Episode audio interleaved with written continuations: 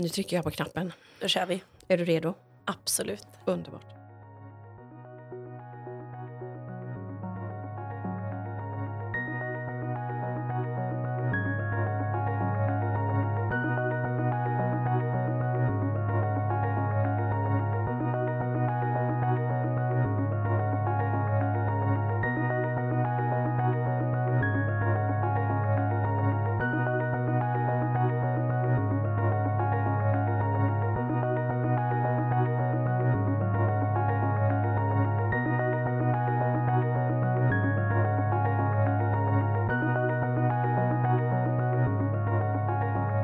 Idag dricker vi vårt 11-kaffe på hotell Bogesund i Ulricehamn tillsammans med Molly Segerqvist. Vilket fantastiskt efternamn! Visst är det fint? Ja, har du tagit det eller? Nej, eller jo, jag har haft äran att ta det från mina föräldrar. Ofrivilligt. Ja, va? Snacka om eh, och liksom bädda för vinst i livet. Ja, men jag tänker det. Seger, Segerqvist. victory. Det funkar Ja. liksom på alla språk. Ja, men eller hur? Ja, det är så härligt. Fantastiskt. Du, ehm, vi sitter egentligen här för att Alexander Henriksson på House of Flowers, när jag drack elva kaffe med honom för ett tag sedan, så sa han du måste träffa Molly på Bogesund. Så nu sitter vi här. Så härligt. Tack Alexander Ja, verkligen. för tipset. Vilken pitch. Eller hur? Nej men, ehm, det är ju första gången som jag dricker elva kaffe med en hotelldirektör som blev det när hon var 24 år. Och det är ju det mycket som det här samtalet ska handla om såklart. Men innan vi börjar, eller innan vi kommer dit, så hur har din morgon börjat? Så härligt. Min mamma och min syster har åkt till Stockholm precis och ska umgås med varandra och då har jag och min pappa egen tid. Åh, Och jag tänker att det är faktiskt en av de bättre tiderna. För han är en återkommande person i mitt liv och i den här berättelsen som har gett mig möjligheten till vart jag står idag. ja. Så vi har Wow. också druckit kaffe. Men det Har blev åtta kaffe tillsammans istället. ja, vad härligt. Vad fint. Verkligen. Har du några morgonrutiner annars som du brukar göra? Liksom, hur ser en vanlig morgon ut? Men jag är den sämsta människan på rutiner. Allting beror på vad man har gjort under natten eftersom att ett hotell lever ju på natten med. Just Så det. allting speglar hur kvällen och natten har varit. Ja. Har det varit lugnt, inga utryckningar, ingen jour eller någon gäster, har hänt någonting.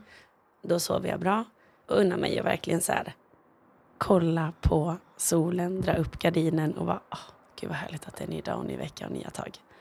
Men det kan också vara som så att jag ställer klockan på åtta och så vaknar jag i panik och bara, åh herregud, herregud, nu ska jag vara på jobbet om en liten stund. Nej, nej, nej, nej, nej. Men dagen blir ofta lika bra om jag så har tagit det lugnt eller gått upp och bara flugit upp i sängen. Ja. Är du nattuggla eller är du morgonmänniska? Nattuggla? Alltså, nattuggla, jag älskar kvällarna. Det är därför jag tycker det är så skönt i det här yrket att man kan vara jag har ju alltid personal på plats, jag kan vara på jobbet vid nio och så sitter jag till tio på kvällen istället, för det är då jag tycker att det är som roligast. Och då är det mest människor i huset och mest gäster som kommer. Och sen går man aldrig hem och lägger sig, utan då kollar man någon serie, för då ska man ta ikapp hela dagen och hela kvällsrutinen. Ja.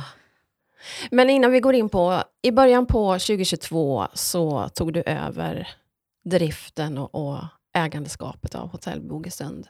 Men vad hade du gjort innan? Har du liksom någon erfarenhet av att leda? Och 24 år gammal har man ju inte hunnit så mycket. Nej, och det är nästan lite skamsligt att säga att jag har faktiskt ingen utbildning inom detta som jag jobbar med idag. Och jag har ingen generell utbildning efter gymnasiet. Jag har alltid varit väldigt säker på att nej, jag kommer klara mig ändå. Jag hade ganska svårt i skolan. Jag älskade skolan. Det var det bästa jag visste och jag var med i elevrådet och jag älskade alla lärare och jag gjorde allt för att alla i klassen skulle trivas. Men själva skolarbetet var liksom inte min grej. Nej. Jag pluggade och pluggade och jag tog specialhjälp hemma och i skolan och bara, nej jag fattar inte det här med matte. Det går inte. Nej, men då är vi två. Ja, men det. Och då så sa jag till mina föräldrar bara, nej jag kommer inte plugga. Så säg inte det till mig. Nej. Peppa inte mig till det. För det är, jag kan vilja göra det livet och leva som student och träffa de människorna. Men jag kommer inte klara det. Så jag sa jag kommer jobba hårdare. Och det började jag med när jag var 14 år. Och då har jag alltid jobbat inom servicebranschen. För att, som du sa till mig, mötet med människor, det är det finaste vi har. Och det har jag alltid spunnit vidare på. Men efter studenten så um, blev jag erbjuden ett eh, lärarjobb, trots att jag inte har utbildning, för en grundskola. Och då sa jag så här, nej men jag kan inte ta hand om barn, jag kan ju knappt läsa själv. Hon var jo men du älskar barn och då kommer det andra komma på köpet. Och det gick ju superbra så jag jobbade där i tre år. Och alla barn klarade nationella prov och föräldrarna, vi hade ett supersamspel och det var, det var typ en av den bättre tiden i mitt liv och då kände jag att jag ska bli lärare. Jag måste faktiskt plugga. Men sen så fick jag ett, um, en förfrågan från en relativt nyöppnad restaurang i stan som hade gjort en liksom rebranding och öppnat på ett nytt ställe. Och då frågade de om vi behöver en restaurangchef. Du verkar tycka service är det bästa som finns. Hade du velat? Och då tackade jag ja till det. Så sa jag, nej men jag ger mig själv ett jobb till och sen kan jag bestämma mig för att lärare, det är det jag ska bli. Och de åren gick. Eh, och så kom pandemin och då var jag så här, jag är så tacksam att jag är 20 plus och har ett fast jobb. Så det här ska jag inte ta för givet. Jag ska hålla kvar i den här bollen tills det att eh, det kanske händer någonting eller man behöver varslas eller något annat. Och där, den hösten 2021, då har jag och Camilla som är tidigare ägare ett möte här. Så jag har inte jättestor så, yrkeserfarenhet, nej, nej. men jag har alltid jobbat. Jag har alltid haft tre jobb i rullning hela tiden. Men hade ni mötet då för att hon skulle ställa dig frågan om du... Ja. Oh, wow. Ja, det, det är den märkligaste dagen i mitt liv. Alltså det ska jag vara ärlig och säga. Eller mest kanske chockartande dagen i mitt liv. Men hur gick det till? Hon bara ringde. Hej, kan vi... Jag fick ett sms och så sa hon, jag har en del idéer jag skulle vilja bolla med dig. Och då tänkte jag bara, vi jobbar ju inom samma bransch eftersom att hon drev detta med restaurang. Så hon kanske, vi kanske ska göra någon eh, mässa eller någon dag ihop. Eller vi kanske ska göra någonting för att få mer personal till branschen. Eller, eller hon kanske, ja en del extra personal jobbar ju både hos henne och hos mig. Är det kanske det? Hon kanske inte gillar det. Jag tänkte på så mycket scenarion. Så här, vänta vi är i en liten stad och verkar. Vad, vad vill hon? Vad vill hon? Men du kände henne? Ja. ja. Vi är liksom familjevänner kan man säga. Eh, så ja, vi känner absolut varandra. Och nu mer. Absolut mer. Ja, jag förstår det. Men berätta om det mötet. Ja, men då var det den här kaffestunden vi skulle ta. Allting ja. florerar ju så mycket om kaffe. Eller det är den finaste stunden ja. på dagen. Vi gillar ju det vi svenskar. Vi gillar ju det. Ja, jag älskar den kulturen. Så jag rattade bilen eh, efter jobbet och sa till mina föräldrar, nej, jag ska ha möte med Camilla och pappa bara, det här kommer bli någonting stort. Jag bara, nej, nej, nej jag, har, jag har gjort någonting dumt och nu ska jag få verkligen ett litet förhör Stå om detta. Stå till svars här. Ja. Så fick jag en kopp kaffe och så satt vi på en barstol hemma hos henne mm, privat. Och så berättade hon att eh, ja, men jag har börjat bli till åren och jag har sagt att det här är en kul sak under en tid. Men det här huset det behöver tid och kärlek och lite ny energi. För att det är inte så superlättdraget när man ser det. Det är fantastiskt fint men det finns mycket skavanker på allt från rum till fastighet till allt sånt som är ganska stort. Och hon sa, så jag är intresserad av att eh, sälja hotellet och då vill jag fråga dig. Och så fortsatte hon, för jag satt ju vid det här tillfället helt knäpptyst. Och så sa hon att för jag vill sälja detta till någon som älskar Ulricehamn lika mycket som jag gör. Och som jag stolt kan känna kommer bevara kärleken och energin och allt som hotellet har haft för mig under 14 år som hon ägde det. Men hon har också varit anställd nästan sedan det startade hotellet. Och jag satt tyst och hon bara, nej men herregud blir du chockad? och jag, jag är väldigt sällan tyst. Alltså jag är otroligt sällan tyst. Och jag bara. Det här är den sjukaste frågan jag har fått i hela mitt liv. Men så var det.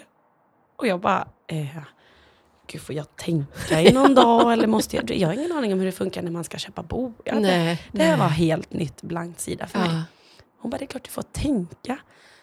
Du får ta detta med din familj och du får bolla det med dem. Och du får fundera på om du behöver någon ytterligare rådgivare som ska vara med i processen. Men det stannar mellan oss såklart. Så vi skrev ju ett sekretess på det, att det skulle vara. Och så sa hon, när du vet om du är mer intresserad, då går vi vidare med att kolla på vad det skulle innebära och vilka förutsättningar som finns. Wow. Och hur länge behövde du tänka? Vad sa familjen? Nej, men då, då var min pappa på uh, vårt sommarställe nere i Falkenberg. Och han är ofta den första människan jag ringer när det handlar om jobb. Och det har alltid varit så. Så jag sätter mig i bilen, och jag bara, jag kommer till Ol Olofsbo för det var helg också så jag skulle ändå åka ner. Och han bara, ska jag förbereda champagne Molly? Han vet att jag älskar bubbel. Jag bara, ja kanske. Så går jag bara, kommer jag till stugan efter två timmar och går in och då har han liksom gjort så små blinier med löjrom, hällt upp champagne för han bara, Han hade någon känsla, jag vet inte om man kanske har det när man får barn, eller hur det funkar. Jo, det har man. Så stod han bara med en as, stor kram redo. Och bara, hur gick det? Jag bara, ja men Camilla tror ju typ att jag ska kunna driva ett hotell. Eller jag var så helt fortfarande borta i huvudet. chock. Ja. Och han bara, ja, jag visste det. Jag visste att det skulle vara någonting bra. Du visste att du alltid skulle få någonting. Jag bara, men pappa, lugna dig. Jag har fått en fråga. Jag har inte gjort någonting än. Nej. Och direkt så drack vi bubbel. Och det är så fint med min familj för att smått som, smått som stort har vi alltid firat livet och varandra. Och både framgång och motgång och lycka. Vi har alltid firat Ja, mycket så bra. och tagit tillvara på de tillfällena. Ja. Så det var ju bara, där och då så sa den första meningen när jag hade tagit en sipp på bubblet så sa han, vill du det här Molly? Och jag bara, jag kan ingenting. Han bara, nej men vill du detta? Skulle du kunna tänka dig att lägga din själ där? Och jag sa, men hur svårt kan det vara? Och där någonstans kollade vi på varandra och bara, bra, då lovar jag att hjälpa dig så mycket du vill i processen vad det gäller att köpa ett bolag. För han har en ganska stark erfarenhet inom det sedan tidigare. Och då sa jag, men bra, då kör vi. Så där och då bestämde du dig? Ja. Två timmar senare? Ja, ja, ja, ja, ja, ja, ja. Alltså jag är inte jättelångsam. Jag jobbar superbra Underbart. under press. Ja. Ah. Och när eh, ringde du till Camilla och, och sa nu, nu är det klart? Eh, Nej, men det gick nog någon dag tror jag. Och sen så sa jag, men vi är intresserade av att kolla vidare. Och då tog det ungefär en och en halv månad till vi var på ett nytt möte. Och då så sa jag att jag kommer ha med pappa i processen. Eh, för den ekonomiska delen att räkna och vara med som ett bollplank. Hela min familj var ju med men vi satt mer, jag och han, på de mötena. Och då var då de första gången la fram liksom, ja men det här är allt som ett bolag har. Alla papper. Ja. Och där började vi tänka och vi gick hem från mötet och hade nya frågor eller ville se nya saker och vi tog med en jurist i bilden som skulle kolla på det och det hade varit pandemi i två år och det var ju fortfarande pandemi men man hade ju flaggat för att nu har vi vaccinerat oss, nu kommer det bli bättre. Men vi var ju, vi la nog första budet, du vet när man har räknat på allt och se vad det skulle kunna ge och i eh, december. 2021. Ja, Ja. Så då hade jag ju fyllt 24 precis. Jag var ju 23 när processen började så fyllde jag ju 24 där i november. Och så ska man diskutera om det och så ska man komma med motbud. och Liksom. Det är en hel process detta såklart. Men vi var ju överens i slutet på januari. Så då skrev vi papperna och drack bubbel och champagne hemma hos mig med Camilla och Robert, hennes man och- eller sambo. Wow. Mm. Hur kändes det då? Nej, men då var jag så pirrig. Och helt i extas. Jag bara, ah, men herregud, det är det sjukaste jag gjort. Men det jag var har köpt ett hotell. Ja, men det Ja. var fortfarande otroligt eh, tyst om det. För när vi var överens och skrev papper så har ju fortfarande inte liksom Camilla gått ut med det till sin personal. Så även om den stora processen var kvar, att man hade skrivit liksom sina initialer på alla de här tolv papperna i ett köpeavtal och att man också hade signerat, så var det fortfarande att det är inte en människa som vet om detta Nej, nej. förutom min familj. Och jag hade också, eller har, en fantastisk bästa kompis som också fick eh, veta allt, som stöttade mig på ett annat plan gentemot vad familjen gjorde Ja, kanske. Ja, Som tänkte mer på 24-åriga Molly och det livet. ja. Men sen i februari så eh, hade hon ett möte här med personalen och då hade jag tagit hjälp av en, eh, en vän kan man säga som hade skrivit ett pressutskick. Så när mötet började så skickade jag det till Ulricehamns Tidning för jag tänkte nu, nu ska jag skicka in först vad det är som händer. Mm. Och det här mötet, då hade ju Camilla samlat hela personalen. Det är ungefär en månad senare. Och hon har ju aldrig pratat om att det har varit dags att sälja. Kanske att hon har nämnt att det kommer ske. Men eh, hela personalen var samlad och satt i ett av konferensrummen här under oss med en superhärlig utsikt över Åsunden. Och så berättade hon ju då att hon skulle sälja det och då så skulle jag liksom kliva in i rummet efteråt. Så jag satt här ute i soffan i Ja. lobbyn och väntade på ett sms liksom. Och hon bara, du kan komma in nu. Och jag gick in och bara, ja hej, det är jag som är Molly.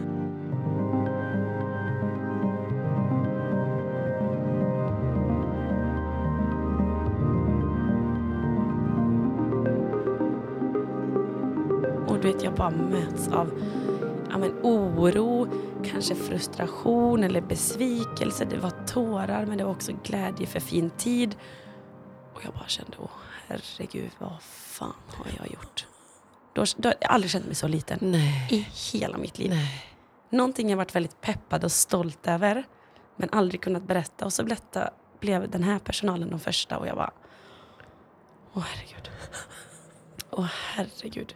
Och någon valde att lämna rummet, och vilket jag accepterar, man vet ju inte. Och för den största oron när man när det kommer en ny ägare och man säger att vi har sålt bolaget, det är ju att man som arbetstagare tänker på sin egen Ja, tjänst. men såklart. Ja.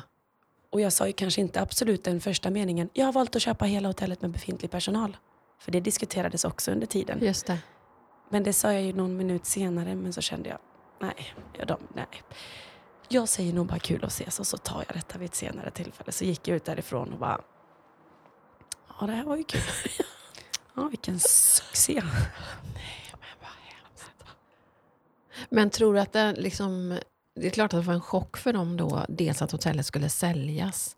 Men var det din ålder som gjorde deras oro? Eller liksom, kan du se nu i efterhand vad chocken låg i? Alltså jag hoppas att det kan varit deras eh, tanke om min ålder. För Ja. den förstår jag. Och också min förkunskap till branschen är ju inte superstor. Nej.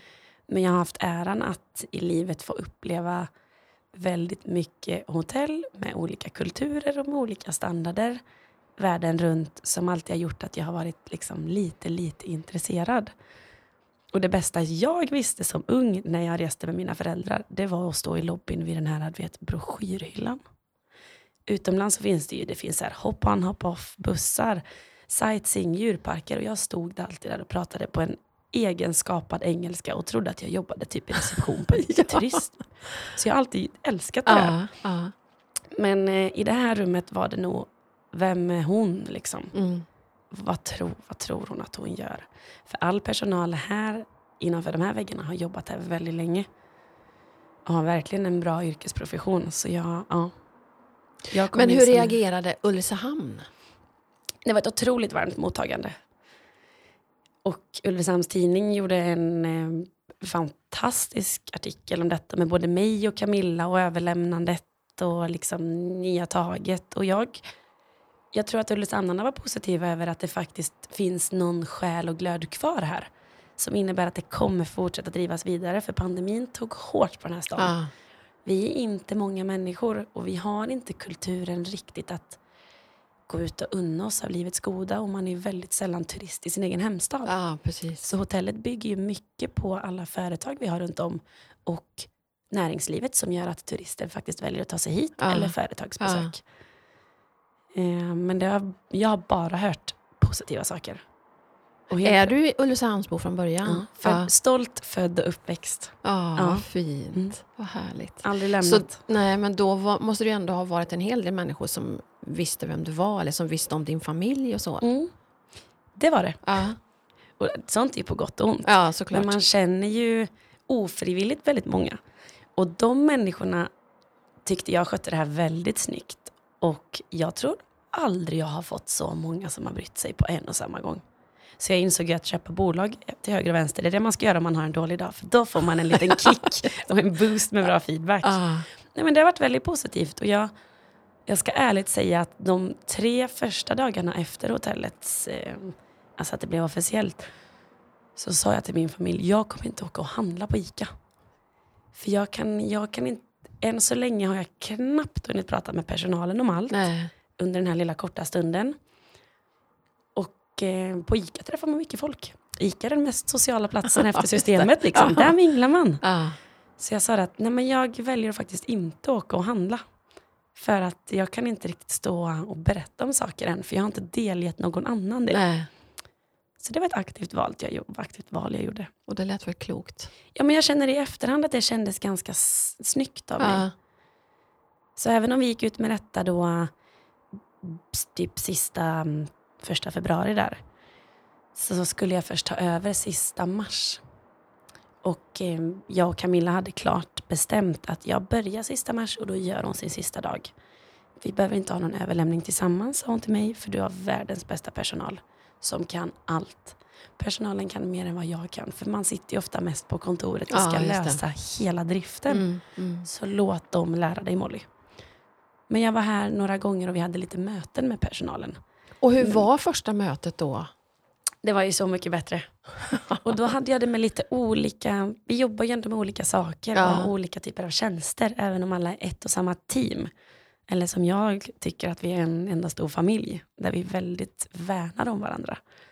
Och det blev ju mycket, mycket bättre. Och då kunde jag också presentera lite, lite små tankar. Långt ifrån någon klar vision, för en vision kanske man behöver arbeta på som ska liksom hålla och fungera och vara ganska vattentät. Men lite små planer som jag vill ha deras åsikt på, för det är de som kan detta.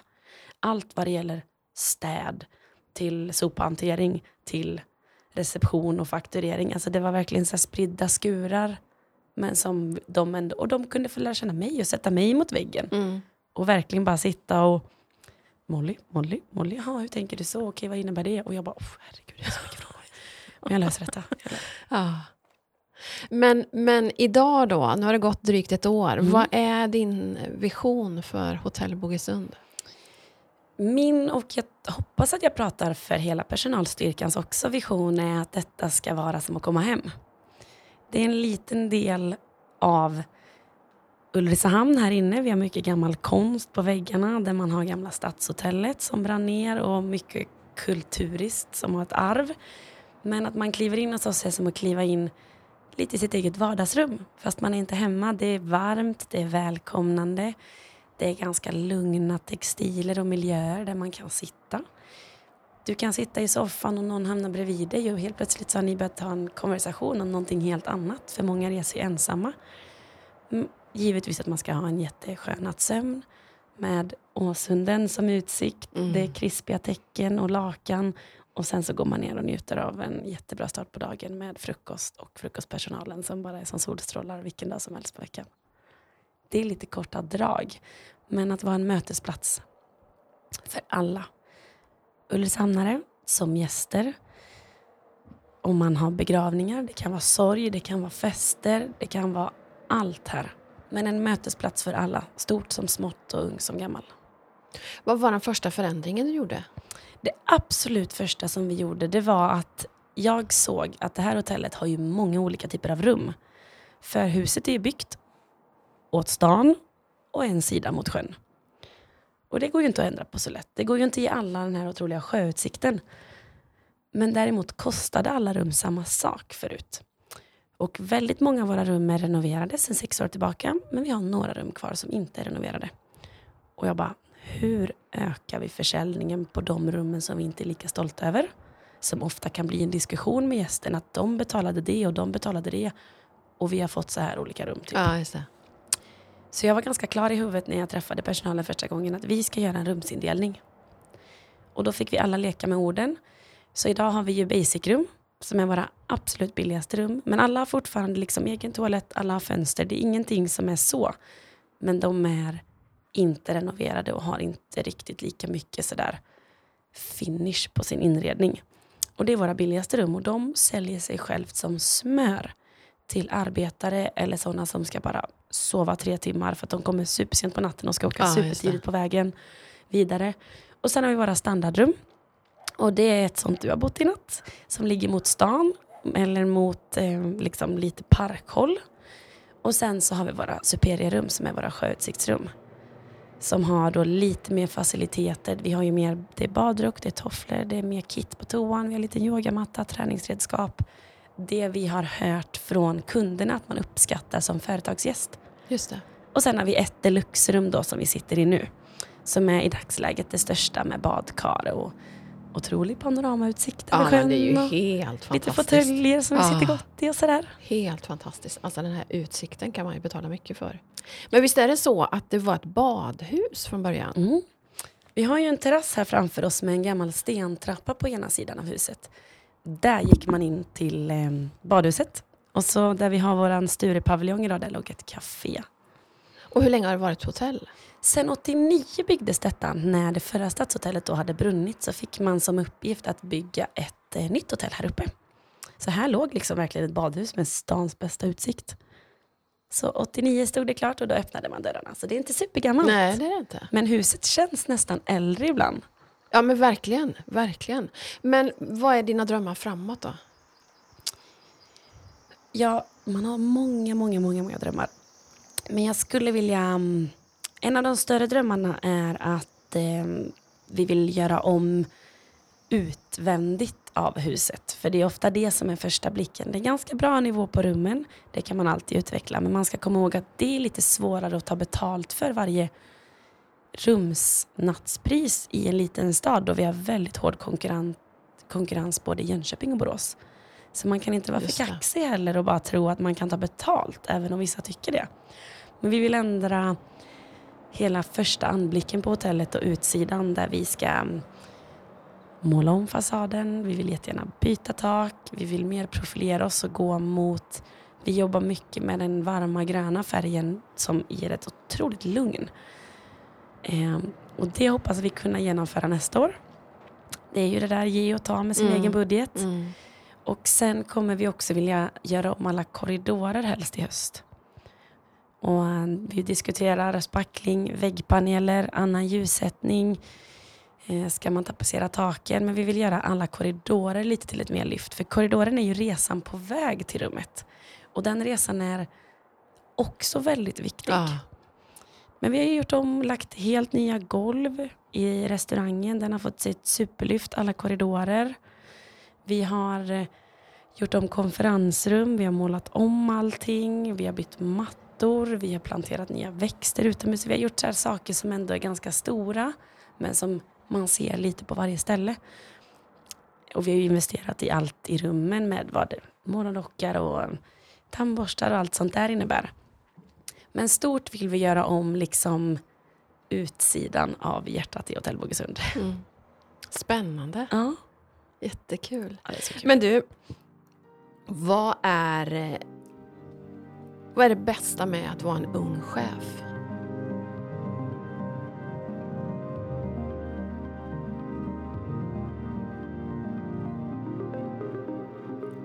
Jag tror det är att man fortfarande har först- alltså det absolut bästa är nog att jag har förstå, förståelse för alla människor.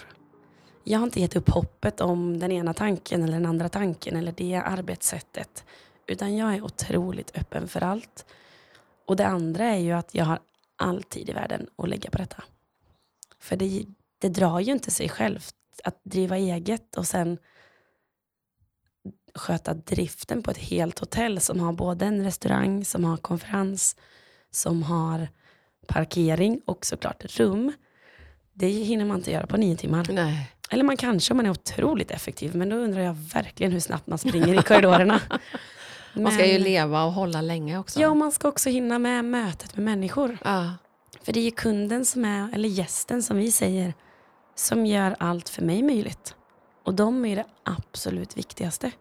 Jag kan måla om och byta lampor, men tycker de det är viktigt egentligen? Man ska lyssna på dem, för det är deras åsikt som är den viktiga. Mm. Sen Och- anpassar man sig. ja. Och vad har varit den största utmaningen att vara så ung VD?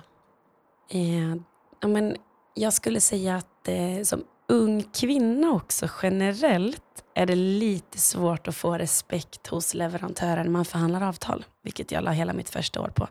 Jag ville förhandla om befintliga avtal och sagt upp många och eh, vidareutvecklat många men jag har ändrat mycket villkor och sånt. Och tyvärr är man inte supervälkommen som kvinna i de lägena. Och därför har jag behövt ha min pappa som hjälp som har suttit på en stol bredvid och jag vet alla möten med män så kollar de bara på min pappa. Ah, Är det så? Jajamän. Ja. Men jag har, jag har inget problem med det för han är så otrolig och bara vallar över frågorna in mot mig igen. Men det kanske är en av de större utmaningarna att faktiskt här, ta plats. Det gör inte jag supermycket i den lilla skaran. Men vet jag att jag kan någonting, nej men då kan jag prata på och verkligen så här vara stolt över det man kan och det man gör. Men jag borde nog absolut eh, prata lite mer. Man ska ju skryta om sig själv sägs det. Och jag borde nog göra det ännu, ännu, ännu lite mer. För det ger ju ringa på vattnet om man börjar men prata om saker. Ja, men verkligen. Första gången jag träffade dig, jag var ju här i början på året och hade en inspirationsföreläsning. Eh, och träffade dig, om det var i receptionen eller här Mhm. i korridorerna. Och jag hade ingen aning om då att du var Molly, utan jag trodde att du bara var en i personalgruppen. Mm. Och slogs av, wow vilken passion, vilken tjej, vilken service. Var kommer det ifrån? Alltså jag tror att det är någonting jag alltid haft som ett genuint intresse. Jag, Jag vet inte vad det är, men mina föräldrar sa alltid till mig, Molly, du kommer jobba med människor. Och som liten trodde jag det innebar, eller innebar att bara jobba på ett ålderdomshem. Jag bara, nej, det kommer jag tröttna på. Jag ska inte alls jobba med gamla människor. Mamma, då sa min mamma, nej men jobba med människor, då jobbar man med man kan jobba med ålderdomsorgen, man kan jobba med barn, man kan jobba med andra vuxna, man kan jobba med sociala saker. Det finns restauranger, det finns att man är turistguide eller värd. Och då fattade jag, okej, okay, det här är, jag hade alltid som liten show. Alla jag bjöd hem fick sitta nedanför min säng och titta på när jag hade något uppträdande i sängen och jag dansade i några så här ABBA-kläder för min pappa är ABBA-frälst. Och jag, är så här, jag har bara älskat det. Jag har varit väldigt orädd hela livet i mycket saker. Så, bara, så du har det liksom med, jag tror medfött? Att, ja. Jag tror att vissa bara föds med det och sen gillar man det såklart så bara blommar det ju. Och sen älskar jag ju hotellet. Jag menar, jag, det här är ju den bästa platsen. Jag håller på att renovera ett eh, fastighetshus som jag har köpt för jag tänkte att fastigheter är ju bra att investera i. Och där var det så mycket tråkiga renoveringar som behövde ske. Här är det ju väldigt, eh, ja det blir ju tråkiga renoveringar på pengasidan men det här är renoveringar jag vet att någon kommer uppleva. Ja, och här har jag hela mitt team som behandlar mig som vilken kollega som helst. Och många är väldigt unga. Jag är yngst, eller nu har jag en annan tjej som är lite yngre än mig också. Men vi, det är så himla härligt att vara här så jag vill bara vara på jobbet. Det är det enda jag vill. Och då mår man ju bra. Mm. Jag tycker typ det är tråkigt att åka hem. Och alla säger så här, Molly snälla kan inte du åka hem? Det är lite jobbigt när du springer här hela tiden. För de är inte vana vid en människa som är dygnet runt. Typ. Men jag vill vara så tillgänglig och jag vill vara här för alla. Både de som börjar 5.30 och den som jobbar och stänger vid 23. Man vill ju visa att jag är allas chef. Och alla ni är lika mycket värda och ni har så värdefulla tjänster vad ni än gör i huset. Och det är ju fantastiska ledaregenskaper verkligen. Ja, jag hoppas det. Ja. Jag hoppas det. Vad, är, vad tycker du annars är viktigt för en chef? Nej, men alltså, jag själv tycker ju att rättvisa och tydliga direktiv är otroligt viktigt. Och jag själv ger nog väldigt sällan tydliga direktiv för jag inte är riktigt säker i min roll än. Men en chef ska också vara lyhörd och hela tiden vara en spelare som jobbar med sin personal gentemot att må alla gemensamma mål och gemensamma visioner och drömmar man har. Och där tycker jag det är viktigt att personalen alltid får vara med. För jag är en del i den här kedjan. Men utan min personal hade jag inte varit någon. Och det är de som har lärt mig och de, de lyfter mig varje dag. Så att som chef kunna lyfta dem, se till att de aldrig slutar utvecklas om de inte vill. Utan att, ja, du har jobbat här i tio år, men vad vill du? Det anser jag som är otroligt viktigt. Att hjälpa varandra i alla mm. lägen. Ja, Man lämnar superbra. ingen. Och jag tar alltid deras parti. Det är ju många möten med gäster man har här som ifrågasätter saker. Och skulle, de, skulle jag höra att det är någon som, nej men vi är duktiga på att klaga i Sverige, det vet vi ju tyvärr. Och att, man, eh, att jag då alltid backar mina anställda. Jag skulle aldrig ta gästens parti där, utan hör jag att en av mina kollegor, som jag kallar dem, står och gör någonting och jag går förbi eller blir indragen, då skulle jag alltid spela med och stötta den sidan. Jag skulle aldrig säga, nej men där har vi gjort fel, ursäkta oss. Utan om det är någonting vi faktiskt har rätt i eller om vi ska kompensera en viss summa för att eh, duschen gick sönder mitt under natten eller vad som helst, så är jag alltid på personalens sida. Även om kunden alltid har rätt såklart. Mm, men eh, mm. jag är alltid på personalens sida. Ja. Och det tror jag är väldigt viktigt. Verkligen, verkligen. Men du, vi sitter här nu med en fantastisk utsikt över Åsunden. Vi ser kallbadhuset. Eh, fortsätt sälj in Ulricehamn då för någon som aldrig har varit här. Varför ska man komma hit? För det här är en liten, liten pärla som är nästan lite glömd. Vi ligger vid en otroligt stor väg och vi har så många vägar som leder hit. Och vi har allt i Ulricehamn och det är det som är så fantastiskt för att vara så små. Vi har en fantastisk strandpromenad med så mycket badmöjligheter. Åsunden sträcker sig härifrån och långt, långt ut och längs den här vägen så har vi hela vår stadskärna som har otrolig butiksnäring där alla verkligen har driv och främjar Ulricehamns kommun. Vi har Skidbacke, som är en av de mest södra städerna i Sverige som har en otrolig alpinanläggning. Vi är en världscuparena när det kommer till längdskidor. Där uppe kan man hitta nästan 15 olika sporter inom loppet av liksom fem minuter från parkeringen. Och det bästa med Ulricehamn, det är att ingenting slutar utvecklas här. Utan det här är en, jag kan absolut tycka att man kanske ska åka en stund om man vill studera, men jag tror att man alltid vill komma tillbaka, för vi är en trygg stad. Vi har jättegoda arbetsmöjligheter inom väldigt många olika branscher. Och vi är en levande stad där vi människor i mångt och mycket får vara med och påverka näringslivet. Och det kanske är min största tanke, att hur kan jag öka näringslivet i Ulricehamn? Jag har ju en gäst som kommer hit. Hur säljer jag vidare att de ska bo en natt till? Eller uppleva alla gårdar runt sjön, alla superhärliga kaféer och butiker som ligger liksom lite utanför stad, staden. Eh, nej men, alltså Ulricehamn har allt. Jag tycker vi är väldigt vänliga. Så socialt. Och vi är duktiga på att ta hand om nya människor som flyttar hit. För det får vi väldigt ofta höra. Mm. Fint. Ja. Men jag slogs av det, för det här är ju faktiskt min... Jag föddes ju i Borås och, och växte upp mina första år i Ulricehamn. Eh, och när jag kom här nu då i början på året så slogs jag av det att, att det finns väldigt mycket för att vara en så liten stad. Mm. Väldigt mycket butiker och restauranger och kaféer. Alltså som en storstad fast pytteliten. Väldigt liten, ja exakt. Och otroligt mycket mm, alltså, olika företagsparker. Eller företagsområden kanske man säger. Så mycket fantastiska arbetsplatser. Och det gör ju att folk flyttar hit. För du ser ju att det byggs ju överallt. Ja, verkligen. Det byggs höghus, tyvärr, eller tack och lov inte framför mig, så min utsikt är kvar. Men Ulricehamn är en stad under ständig utveckling tror jag. Och vi har Borås och Jönköping som, och Falköping som stora konkurrenter. Och man ska ju inte göra någonting som de redan gör fantastiskt. Utan vi ska göra någonting som de kanske inte är lika bra på. Som gör att man väljer Ulricehamn istället. Så vi liksom främjar varandra både i Sjuhärad och mot Småland över gränserna, tror jag. Mm. Fantastiskt.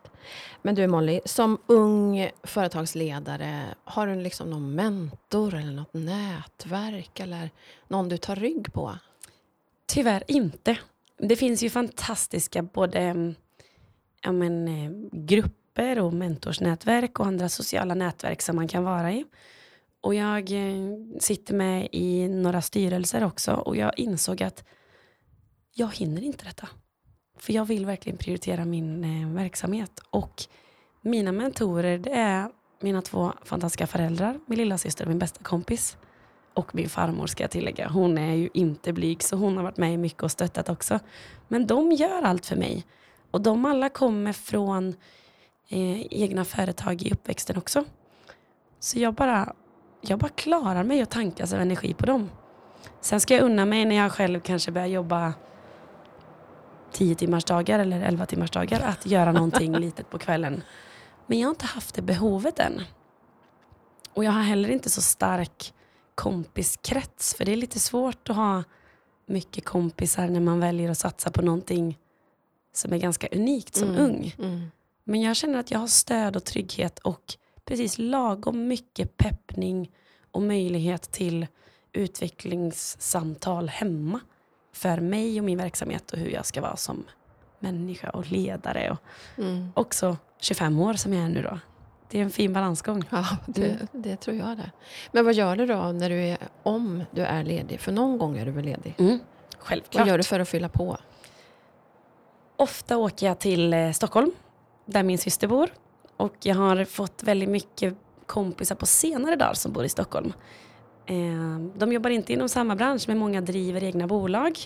Och där blir jag liksom fylld med supermycket energi.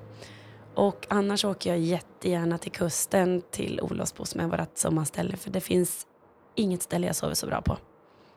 Sen är det klart att jag skulle ljuga om jag inte sa att man måste gå ut och dansa någon gång då och då på en nattklubb. Dansa, det säger ju bara gamla säkert. Men jag säger också dansa för det låter härligt. Men det hinner man också med efter jobbet. Det hinner man efter tio när man har slutat. Det är det fina. Man ska göra saker på dygnet. Utnyttja alla timmar. Utnyttja alla timmar. Jajamän. Underbart. Men du, vad säger du till en ung eh, person som lyssnar nu, som kanske är sugen på att dra igång något eller...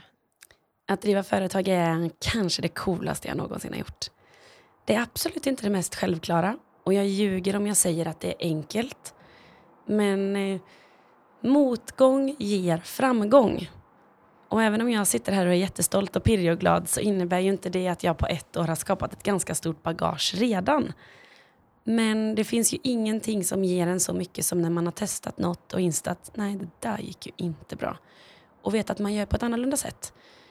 Och sen liksom ta hjälp av människor och pitcha dina idéer. För det är där du får som mest eh, positiv feedback eller negativ feedback, men väldigt konstruktiv feedback. Och när man har pitchat sin idé för någon och vet att det finns människor som tror på din idé, då skulle jag säga gör, starta, testa. Testa enskild firma, starta en butik, gör någonting där det inte krävs så jättestor ekonomisk insats. För det gör ingenting att misslyckas. Nej. Och alla misslyckas, men vi är väldigt dåliga på att prata om det i Sverige. Vilka bra slutord. Tycker du det? Ja, det tycker jag verkligen. Skönt att jag har mognat också då. Du är en väldigt mogen... Är du 25 i år eller 26? Jag blir 26 i höst. Ja, så du är född 97. Ja, helt Ja. rätt. Är min dotter också. Hon har ju världens möjlighet. Ja, Alltså, men vi, eller hur? vi är 97 är det Ja, någonting. precis, något extra. Tusen tack Molly för att du tog dig tiden. Tack för Tack att du ville ha med en mig. inspirerande stund, verkligen. Underbart att ha dig här. Ja, tack för din passion och din energi och lycka till framöver. Tack snälla. Och alla måste ju köpa din nya bok. Eller hur? Nej men det måste jag ju ja, säga. det måste de göra. Alltså jag såg din boksignering här igår och Mm. ah, men det är så fint. Mm, tack. Köp den. Och tack så njut. jättemycket. Och kom till Ulricehamn och bo på hotell Bogesund. Gärna, det jag Gärna blivit det. så glad över. Då kommer jag ta hand om er. Ja, det är bra. Tack så mycket. Hej då. Hej!